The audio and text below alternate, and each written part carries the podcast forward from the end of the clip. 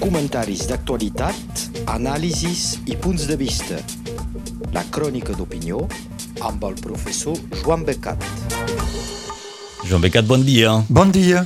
Molts temes damunt la taula per comentar. Sí. Començarem amb novetats a Europa pels exiliats i presos catalans. Sí, perquè aquesta setmana han arribat dues bones notícies d'Europa. Una concerneix la immunitat dels eurodiputats catalans i l'altra és el resultat d'una investigació del Consell d'Europa sobre la justícia espanyola a qui demana un canvi radical i immediat. Recordeu que fa dos mesos el Parlament Europeu va votar el suplicatori d'Espanya, malgrat una forta oposició, per treure la immunitat parlamentària a Carles Puigdemont, Toni Comín i Clara Ponsatí. Quedaven diputats, però no podien salla de Bèlgica, car podien ser detinguts a demanda d'Espanya, especialment a França. Els seus advocats van demanar mesures cautelars. A França dirien que han dipositat un recurs en referé, és a dir, demanen que no s'apliqui la decisió mentre el Tribunal de Justícia de la Unió Europea no hagi donat la sentència. Doncs aquest tribunal acaba d'els acordar, cosa que mai havia passat fins ara. Ho ha fet aquesta setmana perquè hi ha la primera sessió del Parlament d'Estrasburg, avui mateix, des de que hi ha la pandèmia i que els tres diputats catalans podien ser arrestats per la policia francesa. Doncs ara recobren la immunitat i poden circular a Europa, menys a Espanya, que s'entossudeix a no reconèixer les decisions europees i que els hi caurà a sobre un dia d'aquests. És una bufetada per la justícia espanyola, perquè els advocats dels exiliats han argumentat que era un cas de persecució política i que el Parlament Europeu, amb la seva comissió especialitzada, no havia respectat els procediments i no havia fet prova d'imparcialitat. Això s'afegeix a les altres queixes dels exiliats, que s'alliran un dia o l'altre. La primera, quan just després de l'elecció se'ls hi va prohibir, potser ho recordeu, l'entrada al Parlament i se va refusar les seves credencials. Se va corregir mesos després però se'ls havia fet dany i el seu milió, milió d'electors i han portat queixa.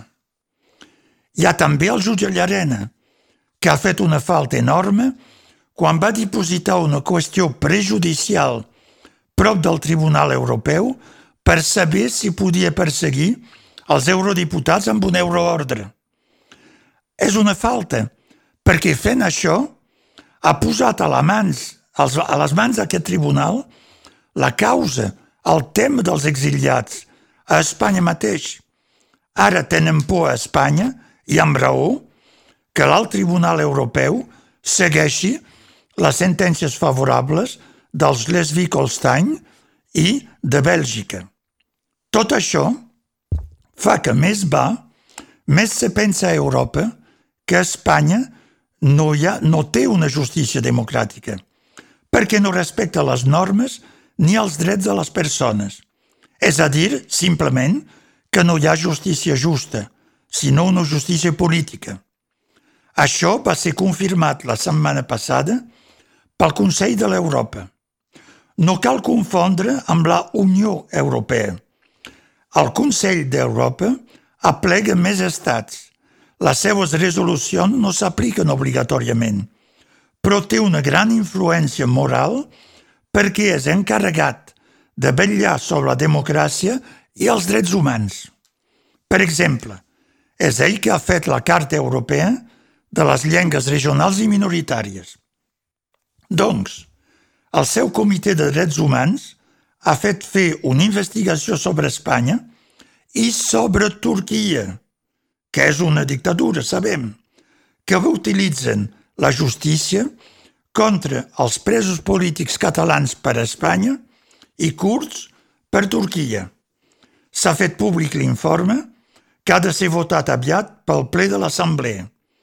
és una condemna ferma i total a la justícia espanyola. No s'emboliquen. Demanen que se reformin els delictes de rebel·lió i de sedició per tal que no serveixin a penalitzar els referèndums i les manifestacions pacífiques. Diu també que els presos tenen penes desproporcionades i demanen que se'ls tregui de la, de la presó o que es faci un indult immediatament. Demanen també que se deixi de perseguir els exiliats i els altres processats, més de 3.000, en relació amb el referèndum del 2017. Una altra forta bufetada. Més va, i més l'estat espanyol s'apropa de la vergonya de veure la seva justícia, doncs els polítics que l'han utilitzada i que l'utilitzen sempre per Pedro Sánchez, condemnats per la justícia espanyola, per la justícia europea, perdoneu. I penseu que encara, tot i que demanarà uns quants anys, han de venir les queixes dels presos a un altre tribunal europeu, el Tribunal de Drets Humans d'Estrasburg. Per això Pedro Sánchez parla d'indult, perquè no sap què fer per amagar la vergonya que se li apropa.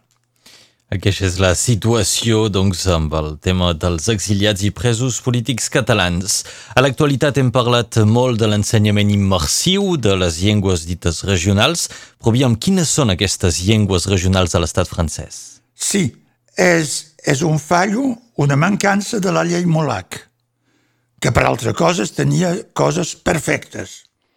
Aquesta llei permet avançades, especialment la primera que reconeix les llengües regionals en un text legislatiu. Està molt bé.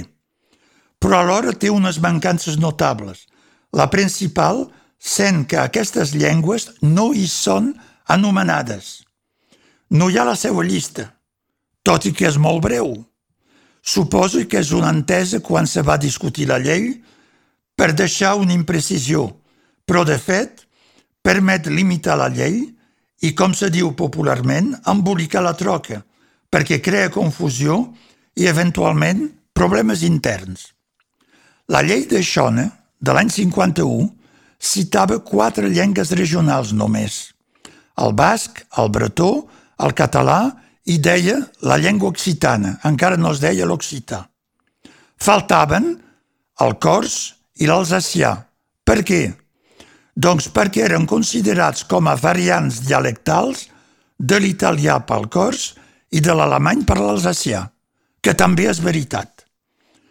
El que passa és que aquestes dues llengües, italià i alemany, tenen variants dialectals molt, molt diferenciades.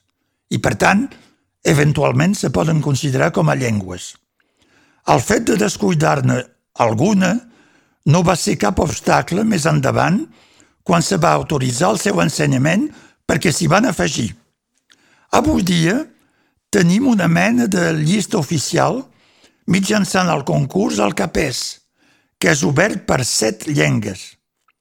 El basc, el bretó, el català i l'occità, com la llei de Xona, més el cors, l'alsacià i el crioll, és a dir, la llengua de les illes franceses del Carib, la Martinique, la Guadalupe, de la Guayana i a l'oceà Indi, de l'illa de la Reunió i l'illa Maurice. Falten només el flamenc, parlat a una petita zona tocant a Bèlgica, i el franco-provençal, parlat a la Savoia i a Itàlia, a la Vall d'Aosta. També remarquem que falta el francès com a llengua regional, perquè també n'és una, a l'origen. Era la llengua d'una regió. És a dir, falten les variants del francès, que són conegudes com a llengües d'oïl. En realitat no són llengües d'oïl, són dialectes d'oïl, perquè el francès oficial els ha gairebé eliminats, encara més que ho ha fet per les llengües regionals no franceses. Se tracta del francien, que és la llengua, la variant dialectal del francès parlat de París al Loire i que ha servit per fer el francès oficial, però també les variants de Picardia, el Picard, de Champagne, de Lorena, de Borgonya, de, France, de Franche-Comté, d'Anjou, la variant dialectal del Poitou-Charentes, que és el que parlen al Canadà, per això parlen un francès diferent. De fet, parlen un francès dialectal i eh, també de Normandia. És a dir, que, a més de matar les llengües regionals, el francès oficial ha matat també les seues pròpies variants regionals, que feien la seva riquesa lingüística.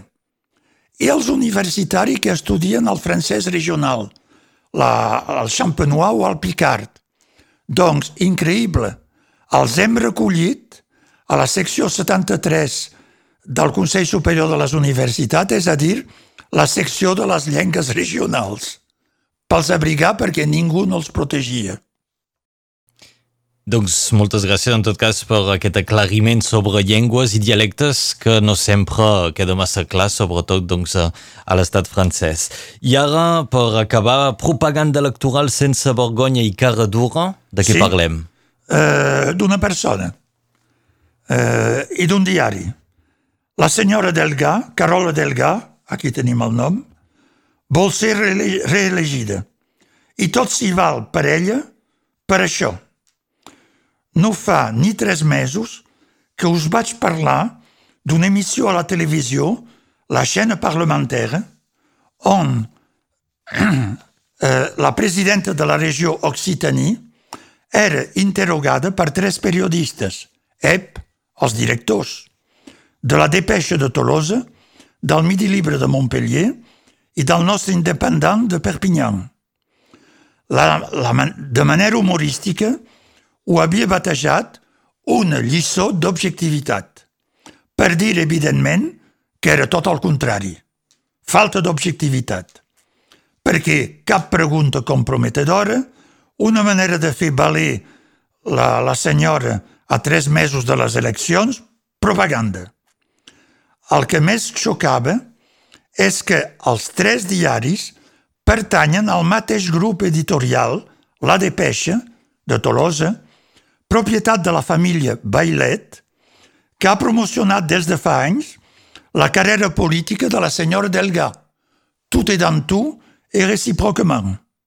Doncs fa dos dies, el diumenge, el dia on se ven més independents, perquè tothom ho compra pel programa de televisió, els mateixos han fet la mateixa maniobra política en un interviu publicat en els diaris paper i internet.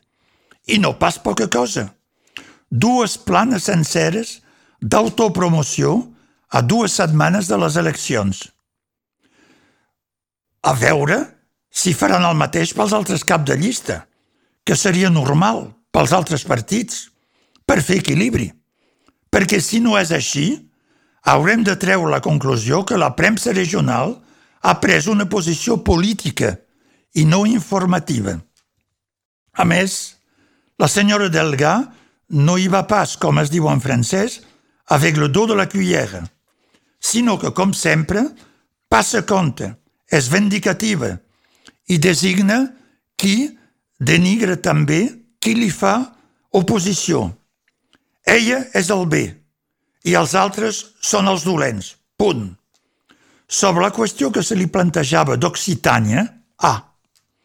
Diu que el concepte no és una qüestió de nom de departament o de regió. Home, i doncs què és? És per això que s'ha fet un recurs al Consell d'Estat contra la seva decisió i la del seu acólita, el primer ministre de llavors, Manuel Valls. Afegeix, citation, J'ai eu la constatation et j'étais face à un catalanisme très replié sur lui-même. Aquesta sí que és grossa. Insultant. Ella és oberta. Per això refusa País Català. I els altres, nosaltres tots, sem tancats, perquè volem que se respecti la nostra identitat i que volem que la nostra regió faci referència a l'occità i al català, ja que la regió anterior feia referència a les regions històriques del Llenguadoc i del Rosselló. Per ella, fora tot això, és tancament. Doncs, me permeti de li recordar que dins aquesta gent tancada, repliée sur elle-même, hi havia com a demandant al Consell d'Estat, gent que portaven queixa, al Consell Departamental del Pirineu Oriental, per vot unànim, presidit pels seus col·legues socialistes, i que hi havia 12 comunitats de municipi i 223 municipis sobre 226. Doncs, tots vosaltres, amics meus, seu per ella gent tancada, retrògrada. Ella us donarà lliçons d'obertura i de modernitat. I vosaltres, Oients de Radio Arels, si heu participat el 2017 a la campanya per Occitània País Català, doncs també sou retrògrades per ella. I a tots vosaltres, elegits i electors, us demana el vostre vot. Ara bé, cal recordar que l'interviu, a dues planes senceres, és per tota la regió, el Pirineu Oriental i dos altres departaments. Picar sobre els catalans és, doncs, demagògia. Pregunta. Ho fa per fer pliar els altres electors de la resta de la regió? De tenir buc emissari? I som nosaltres? En les dues llargues entrevistes que vam tenir amb ella al comitè del recurs, ja havíem constatat que tenia una dent contra Catalunya, probablement per enveja, i que té la mateixa forma de pensar que Manuel Valls, el seu mentor, a més, diu en l'interviu que el pas de Perpignan la catalane à la rayonnante, citation, c'est très dommage, c'est une différente, c'est une vision différente de la mienne. I ella, que no ho ha fet pel nom de la regió i pel logo, a veure, increïble. Ara, que arriba la temporada de les hortalisses, no li caldrà comprar pebrots, que en té prous. Joan Micat, moltes gràcies. Bon dia a totes i a tots. Comentaris d'actualitat, anàlisis i punts de vista. La crònica d'opinió amb el professor Joan Becat.